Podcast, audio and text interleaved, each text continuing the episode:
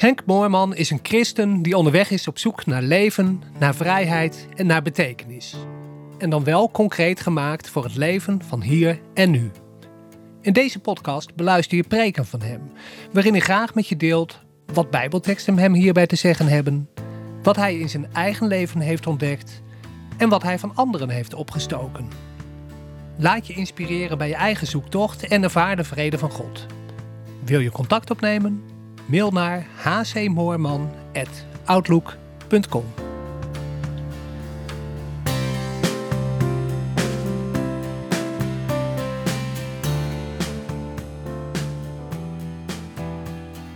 Ja, mooi thema, binnenkant en buitenkant. Mijn onderwerp ligt eigenlijk een beetje in het verlengde daarvan, of in dezelfde sfeer. Ik heb erboven gezet hoogmoed en nederigheid. Uh, dat wil ik doen aan de hand van Jacobus 4. Misschien wil je dat even proberen op het scherm te krijgen, Gijs. Jacobus 4, vanaf vers 4 tot 10. Of is het ding, is die uit? Nou, oké. Okay. Uh, nou had ik mijn preek ook nog in een mooi schema uh, vervat.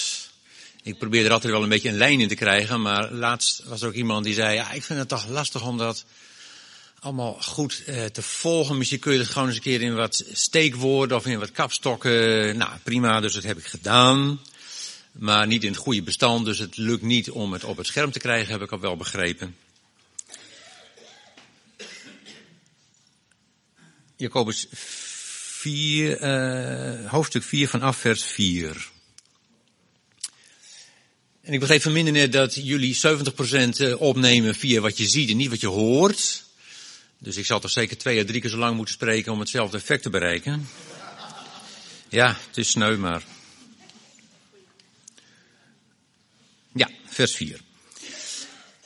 Uh, overspeligen, weet gij niet dat de vriendschap met de wereld vijandschap tegen God is? Wie dus een vriend der wereld wil zijn, wordt met de daad een vijand van God. Of meent gij dat het schriftwoord zonder reden zegt? De geest die hij in ons deed wonen, begeert hem met jaloersheid. Maar hij geeft een ook des te groter genade. Daarom heet het, God wederstaat de hoogmoedigen, maar de nederigen geeft hij genade. Onderwerp u dus aan God, maar bied weerstand aan de duivel en hij zal van u vlieden. Nader tot God en hij zal tot u naderen. Reinig uw harten, zondaars, en zuivert uw harten, gij die innerlijk verdeeld zijt.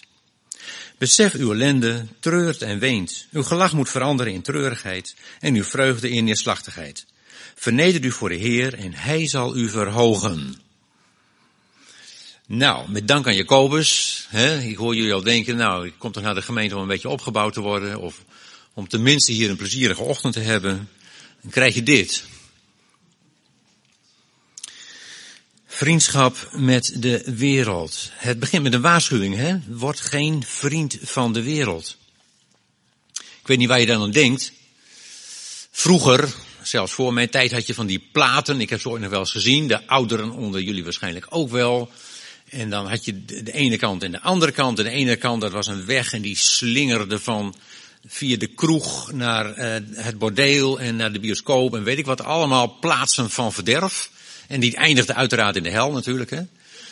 En de andere weg, uh, en die was veel smaller, die was veel smaller. Nou, ik weet niet eens precies, die ging waarschijnlijk langs de kerk en langs allerlei positieve plaatsen. En die eindigde uiteraard in de hemel. Nou, uh, ja, als je het zo invult, wordt geen vriend van de wereld, hè, een soort wereldmijding, zorg dat je onberispelijk leeft. Dat is, dat is de makkelijke uitleg denk ik. Waarom? Nou, omdat wij, maak me sterk dat wij kunnen zeggen, nou heer, dat zit wel snor met ons. He, u zult ons niet aantreffen in bordelen. De gokhal zullen we ook niet zo vaak komen. Oké, een keer een film, ja, maar dan vast een fatsoenlijke film waar we ons niet voor hoeven schamen. Een glaasje wijn gaat er ook vast wel in, maar we bezatten ons niet. Dus, nou heer, met ons geen probleem, geen vriend van de wereld. We kunnen gerustgesteld achteroverleunen. Ja, ik zei al, dat is een beetje te makkelijk vind ik, want dan stel je eigenlijk christelijk leven gelijk met, nou, gewoon een braaf en ordentelijk leven leiden. Nou, er is niks mis met een ordentelijk leven, maar eh, je kunt het niet één op één gelijkstellen met christelijk leven. dat zijn echt twee verschillende dingen hoor. Ja. Jacobus, Jacobus zet het ook in een hele andere sleutel. Hè? Hij zet het in de sleutel van hoogmoed en van nederigheid. Nou, daar is een beetje uh, naar kijken. Uh, het is ook niet zo gek natuurlijk, want Jezus was helemaal niet zo'n wereldmeider. Bedoel, hij krijgt naar zijn hoofd geslingerd, jongen, je bent, je, je bent een vriend van uh, hoeren en tollenaars, van zondaars. Je bent een drankzuchtig iemand. Ja, en hij kon niet zeggen, nee, ik drink niks. En hij kon ook niet zeggen, nee, je zult mij niet zien met hoeren en tollenaars. Want daar was hij namelijk wel in dat gezelschap. Ja, moordenaars zelfs. Het gaat God om onze binnenkant, heb ik erop geschreven. Dus dat is inderdaad hetzelfde thema. Er staat niet voor niks. De geest die hij in ons deed wonen, die begeert hij met jaloersheid. Dat is het waar God om gaat. Niet of je buitenkant een beetje gepolijst is, maar de binnenkant. Die geest die hij in ons deed wonen. En het gaat om je eigen geest, hè? Sommige vertalingen zie je dat met een hoofdletter en dan denken ze aan de Heilige Geest. Ja, dat is God zelf zijn geest, dus die begeert hij niet, want het is hij zelf. Het gaat echt, zoals het in de MBG-vertaling staat, met een kleine letter, om onze geest die hij in ons deed wonen. En die begeert hij, jouw geest, begeert hij met jaloersheid om daarmee om te gaan. God wil ons zijn genade bewijzen. Staat hier. En dat kan alleen maar aan nederigen van harte. Daarom heet het, God weerstaat de hoogmoedigen, maar de nederigen geeft hij genade. Nou, even inzoomen dan op hoogmoed en nederigheid. Wat is hoogmoed? Nou, je zou kunnen zeggen, hoogmoed is dat ik iets wil zijn in de ogen van anderen. Dat ik pretendeer meer te zijn, beter te zijn dan anderen. En dat ik mij daarmee dus verhef boven anderen. Iedereen kent wel dat verhaal van die fariseeën die staat te bidden. Oh heer, dank u wel dat ik niet zo slecht ben als die tollenaar daar. Dat is niet een gebeurtenis die toen, is, eh, zich voor, die toen voorviel en is opgetekend. Dat is een gelijkenis van Jezus. Hè? En er staat, Jezus vertelt die gelijkenis met het oog op sommigen die van zichzelf vertrouwden dat ze rechtvaardig waren en alle anderen verachten. En dan vertelt hij dat verhaal van die fariseeën die daar staan te bidden. Oh, God, dank u wel dat ik niet zo slecht ben als, of dat ik niet zo ben als die uh, hoereerder en die tollenaar en die onrechtvaardige. En ook niet als die, uh, als deze tollenaar hier. Uh, en, want, en dan een hele opzomming van hoe zijn leven helemaal picobello eruit ziet aan de buitenkant. Ik geef tienden en ik houd alle geboden. En onberispelijk. Onberispelijk. En die tollenaar die niet meer weet te zeggen dan, oh God, wees mij zondag genadig. En Jezus zegt, en die laatste, die ging gerechtvaardigd naar huis. Ja. Nou, kennelijk was het voor Jezus wel een punt om dat gewoon eens een keer scherp neer te zetten. Uh, en ook hier geldt natuurlijk dat wij kunnen zeggen, nou heer, maar dat zult u bij ons niet tegenkomen. Dat zult u ons niet horen bidden. Nee, dat uh, vast, vast. Maar zullen wij ook niet zeggen, heer, wij zijn wel blij dat wij niet zo achterlijk zijn dat wij in een Mohammed geloven. Of in een Maria. Heer, dank u wel dat wij niet zo uh, dom zijn om in een Israël, achter een Israëlvisie aan te lopen. Nou. Of dat wij, ah, we zullen niet hardop bidden, maar dat we toch stiekem denken, Heer, dank u wel dat wij, uh, ja, dat wij het allemaal veel scherper zien. Heer, we zijn toch wel heel erg blij dat van alle volle evangeliegemeenten onze gemeente toch eigenlijk er net iets bovenuit steekt, want nou, zulke mooie inzichten als wij hebben, zulke diepgeestelijke inzichten, die, die tref je eigenlijk nergens aan hier. En heel stiekem denken we dan misschien ook nog wel, nou heer, en daarmee hebben we toch eigenlijk net een streepje voor bij u. Zult u toch net iets blijer zijn met ons, toch net iets meer van ons houden dan van al die anderen. Ah, dat beetje niet hardop natuurlijk, maar zit het ergens in je achterhoofd, misschien. En dan komt er iemand uit zo'n lawaai-gemeente, inclusief Israëlvisie, die niet meer weet te bidden dan, Heer, ik snap er allemaal niks van, maar ik weet maar één ding, ik heb wel uw genade nodig. Ja, wie zou er gerechtvaardigd naar huis gaan? Hoogmoed denken heel veel christenen, is, is erg, slecht, moet je ver van blijven. Want wie zichzelf verhoogt zal vernederd worden. Hè? Ja, dat is zo. Dat is zo, maar misschien is het slimmer om eens te kijken van waar komt het vandaan? Hoe, hoe kan het zijn dat iemand zo ver komt? Want dan kun je er namelijk ook iets aan verhelpen. Nou, ik denk het begin van alle hoogmoed is een soort overtuiging bij de mens zelf. Uh, van ik ben niet goed genoeg zoals ik ben. Zo heel gewoon zoals ik van mezelf ben, is niet oké, is niet goed genoeg. Nou, dan kun je twee dingen doen. Daar kun je mee vereenzelvigen. En dan krijg je een geweldig minderwaardigheidsgevoel waar je enorm in weg kan zakken. Ik ben, ik ben ook niks, ik deug ook niet, ik kan ook niks. En dat vinden anderen natuurlijk ook. En van daaruit zie je soms dat mensen geweldig anderen kunnen manipuleren. Want oh, wat ben ik zielig. Nou, daar wil ik het niet over hebben. Het alternatief is dat je gaat compenseren. Dat je inderdaad denkt, ja, nee, nee, zo, zoals ik gewoon ben is niet oké. Uh, daar moet iets bij. Op een manier moet ik zorgen dat ik, dat ik ga uitblinken in dingen waarmee ik waardering oogst. Want dan compenseer ik en dan, hè, hè, dan uh, oogst ik acceptatie, waardering, misschien zelfs wel bewondering van zo. En zo ben ik in staat om dat gevoel van het is niet oké zoals het gewoon is, om dat te overstijgen. Ja. Dus zorg ik dat ik geweldig vriendelijk en aardig ben. Want dat valt goed gewoon. Uh, of behulpzaam. Altijd klaarstaan. Nooit nee zeggen. Uh, er hard voor werken. Nooit is mij iets te veel.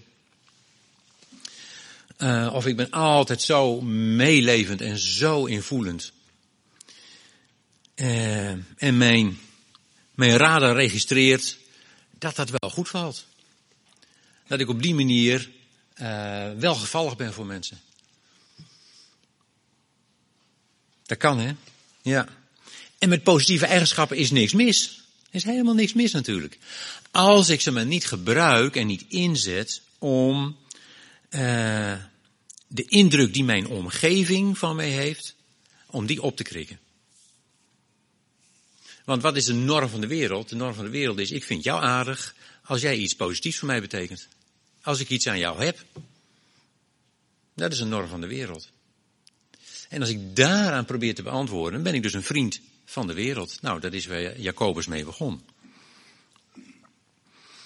Ik waardeer jou omdat jij mij iets positiefs brengt. Nou, oh, als ik daarop inspeel, dan oogst ik dus waardering.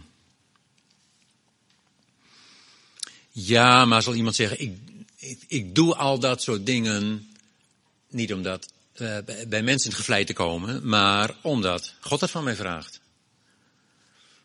Mm, ja, is dat zo? Is dat zo? Of gaat het om dingen waarvan mensen zeggen dat God die van je vraagt? Want oh, nou ik denk wel eens als God ergens last van heeft, heeft uh, gehad heeft, alle eeuwen door tot op de dag van vandaag, dan is het godsdienst. Dat mensen precies weten uh, wat je moet doen en wat je niet moet doen om God welgevallig te zijn. En dat anderen nog het liefst opleggen ook natuurlijk. Ja. Terwijl God zegt, joh, het enige wat ik zoek is aansluiting met jou. Het interesseert me eigenlijk helemaal niet hoe hulpvaardig je bent. En hoe invoelend je bent. En of je altijd klaar staat. En uh, uh, hoe hard je werkt. En het enige wat mij wezenlijk interesseert is dat jij en ik, dat wij samen kunnen omgaan.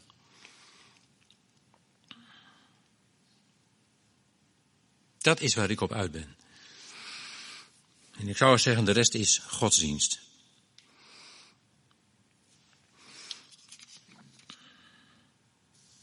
Als ik zo, als mijn leven zo in elkaar zit, dat ik het gevoel van het is allemaal onvoldoende zoals ik ben en daar moet ik dus iets voorzetten. Het moet naar buiten toe allemaal aangenamer gemaakt worden en dat het meer in de smaak valt.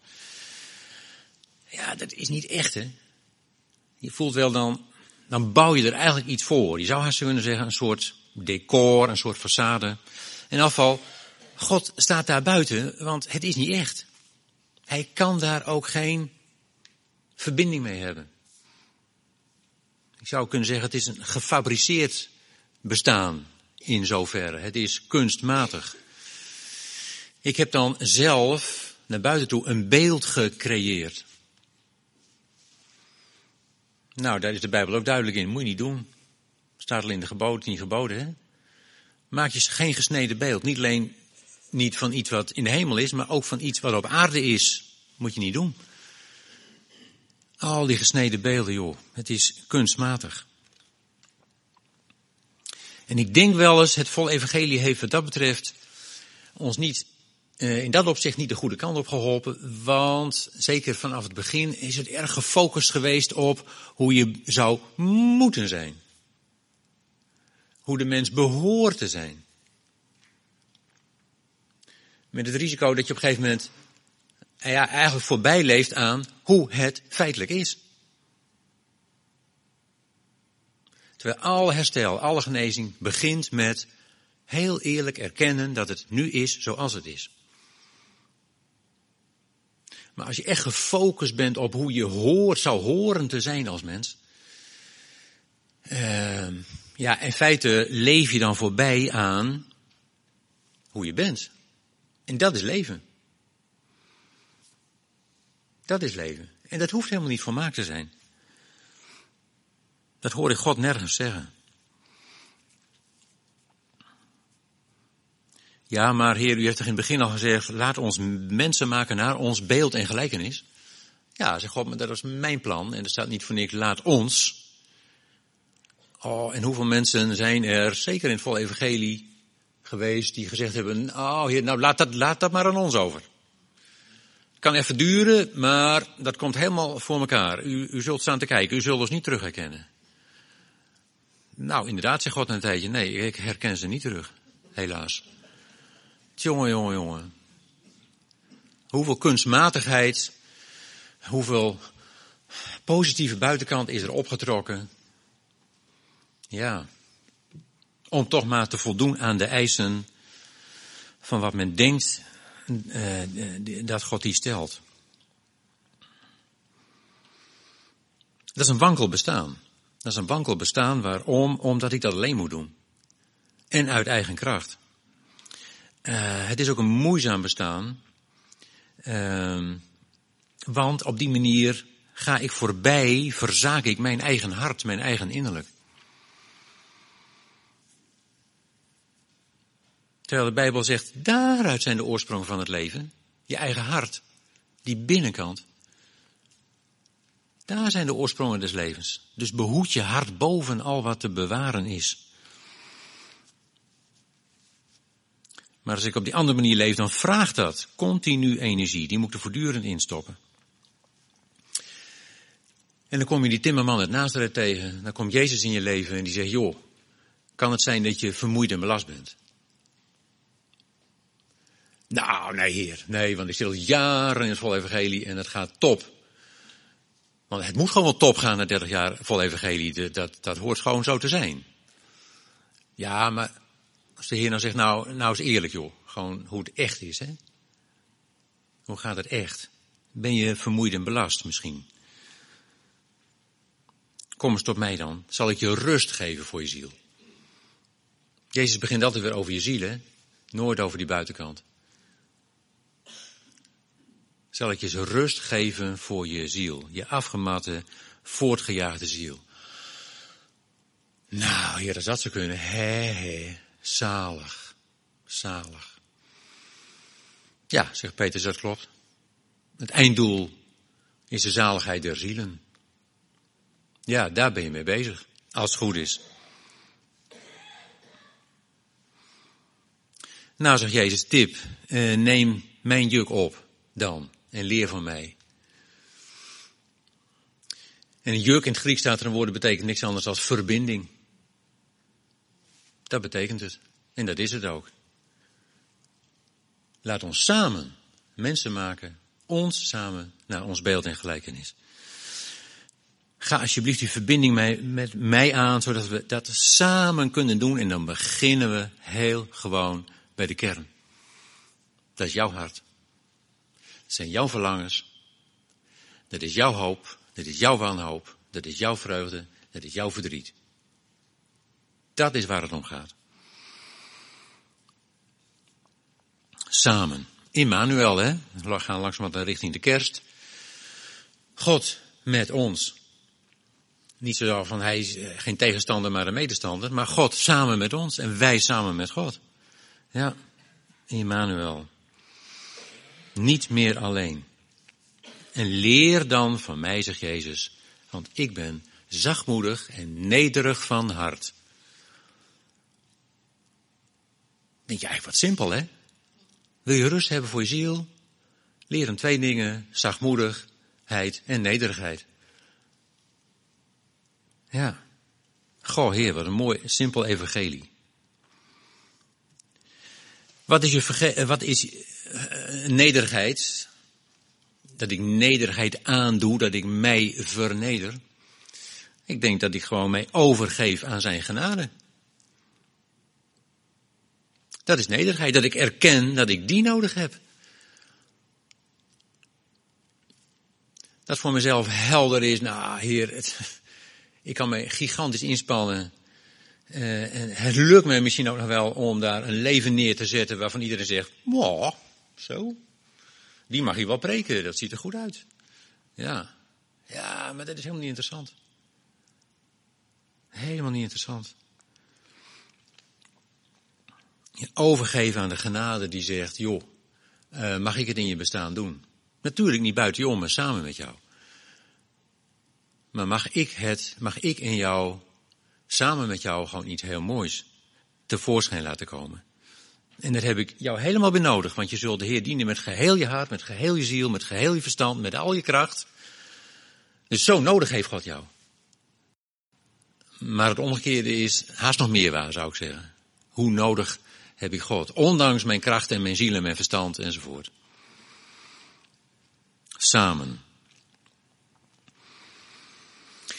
Mij afhankelijk weten van zijn onvoorwaardelijke liefde. Dat is nederigheid.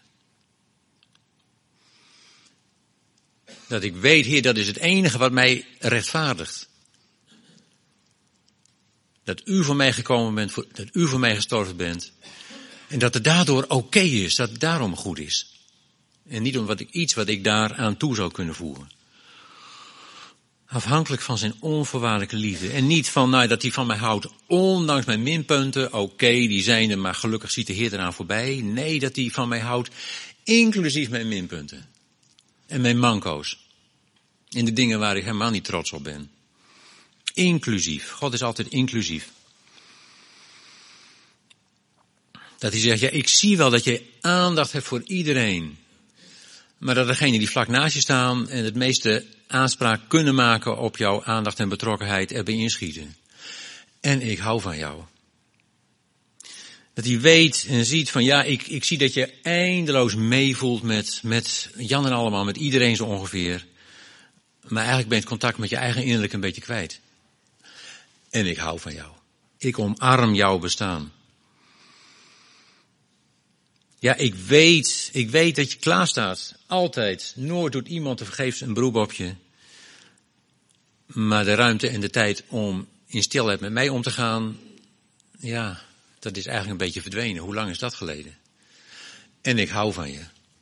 Ik omarm jouw hele bestaan. Ik ken jouw vrees om tekort te komen. Ik ken jouw angst om niet in tel te zijn. Ik ken je eigen dunk, misschien wel je egoïsme, je stijfkoppigheid en ik hou van jou. Dat is leven uit genade. En eigenlijk kun je ook zeggen, ja, dat is leven. Dan sta je in alle naaktheid voor hem. Nou, dat is eigenlijk precies de paradijselijke staat, hè? Ja. Dat je zegt, ik hoef niks te verbergen. Ik hoef helemaal niks te verbergen, Heer. Ja, het kan zijn, Heer, dat ik heel wat ervoor heb gehangen. Want toen het fout ging, was dat het eerste wat een mens deed, hè? Bedekken. Jezelf verbergen voor de ander. Adam en Eva voor elkaar. schorten maken van vijgenbladeren. En voor God zich verstoppen in het geboomte en in de struiken van, het, uh, van de hof. Dat is het eerste wat een mens doet als hij denkt, oei, zoals ik nu ben, kan ik niet tevoorschijn komen. Er iets voorhangen waarvan je denkt, nou, oké, dat oogt het weer een beetje. Ja, goh. Ja, terwijl, nou ja, de paradijselijke staat is dat je werkelijk kan zeggen, nou hier ben ik zoals ik ben. Naakt voor u, om het zo maar te zeggen. En het is goed. Zonder bedekking, zonder schaamte. Gerard heeft ooit eens volgens mij in de jeugddienst gehad over maskers af. Nou, ik denk, het is misschien goed voor de jeugd, maar minstens zo goed voor mensen die iets ouder zijn dan jeugd. Want je kunt ook in de loop van je leven heel wat bedekkingen uh, aangaan doen. Hè? Om soms hele begrijpelijke redenen, daar gaat het niet om. Maskers af. Hij omarmt mijn hele bestaan. Wat is daarvoor nodig? Wat zijn de voorwaarden? Nou, ik denk twee. Willen zijn, durven zijn als een kind. Want het stukje uh, van Matthäus, hè, uh, waar ik uit citeerde, dat het stukje van uh, Matthäus 11. Dat begint dat Jezus zegt, Vader, ik dank u wel dat u dit verborgen hebt gehouden voor wijze en verstandigen, maar geopenbaard hebt aan kinderen. En dan komt een stukje over uh, die hoogmoed en die nederigheid en wie gerechtvaardigd is. Dank u wel dat u het geopenbaard hebt aan kinderen. Want die zijn ontvankelijk. En de anderen hebben zich zo, wie dat niet meer is, die heeft zichzelf zo afgeschermd dat, die genade is er wel, want het ligt nooit aan God hoor. Maar dat die genade niet meer bij mij binnen kan komen. Ik las onlangs, vaak zijn we zelf het grootste obstakel op weg naar, nou, waar je naartoe wil. Naar werkelijk mens zijn, naar werkelijk gelukkig zijn.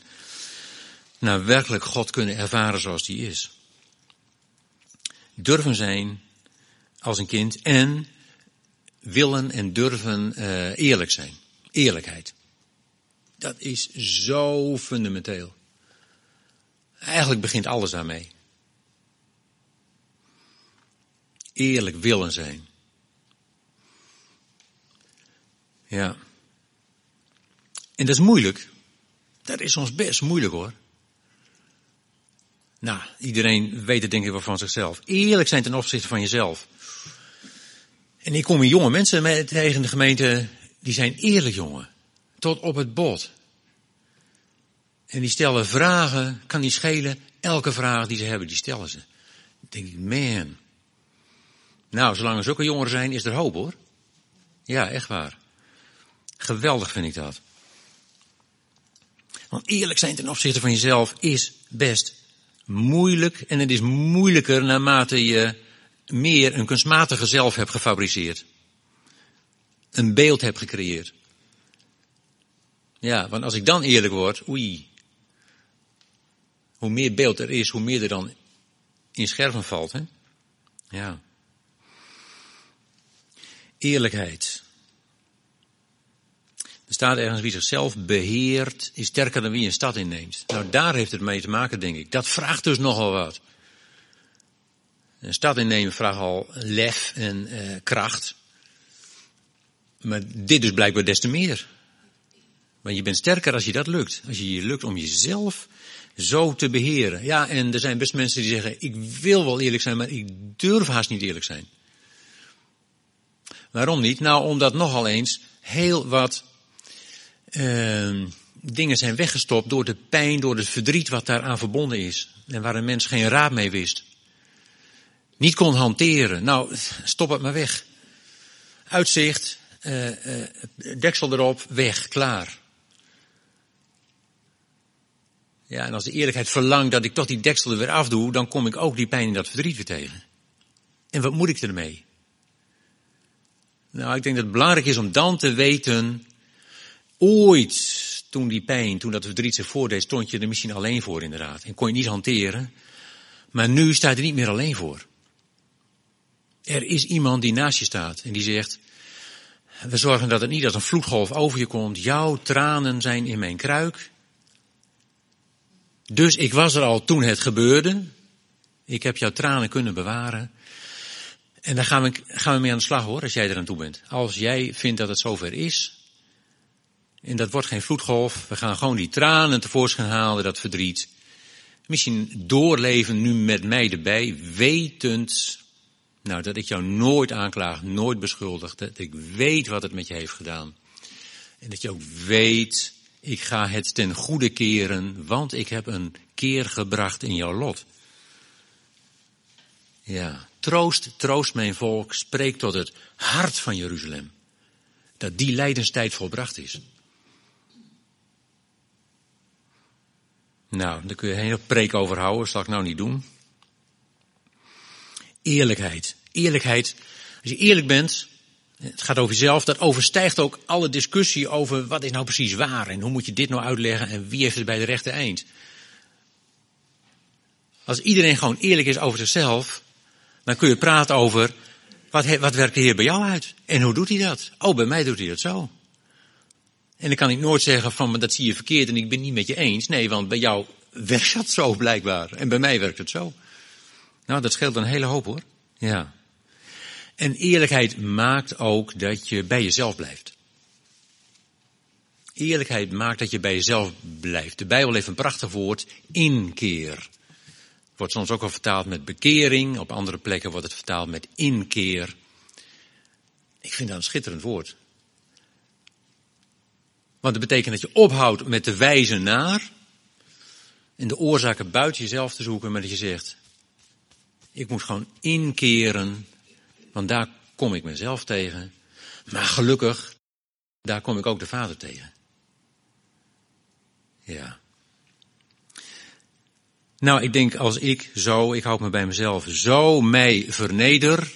Waar staat er ook alweer? Dat ik mij verneder onder de machtige hand God. Ja, ook zo'n tekst dat je denkt, hallo. Ja, dat ik gewoon erken, gelukkig is er een hand van die God die groter is, die zich beschermend over mijn leven uitstrekt. En waarvan ik mag herkennen, ja, dat heb ik nodig. Die beschutting, die hand, die als een veilige vaderhand uh, een, een dak boven mijn bestaan is. Nou, als ik zo mij kan vernederen, dan, uh, dan word ik een gelukkig mens, volgens mij. Amen.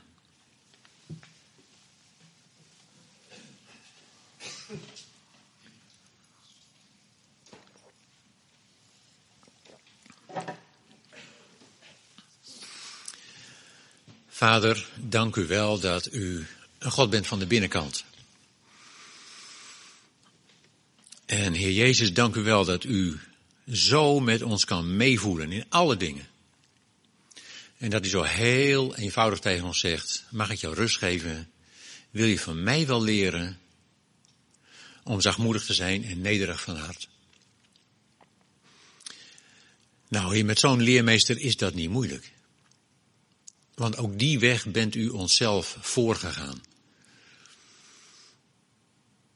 Dank u Heer dat u ons, ieder van ons, beter kent waarschijnlijk dan wij onszelf kennen. Dat u weet wat we nodig hebben, dat u weet waar er iets aan schort. Uh, en dat er bij u de veiligheid is om met alles wat in ons is, bij u aan het licht te komen. Amen. Wil je contact opnemen? Mail naar hcmoorman.outlook.com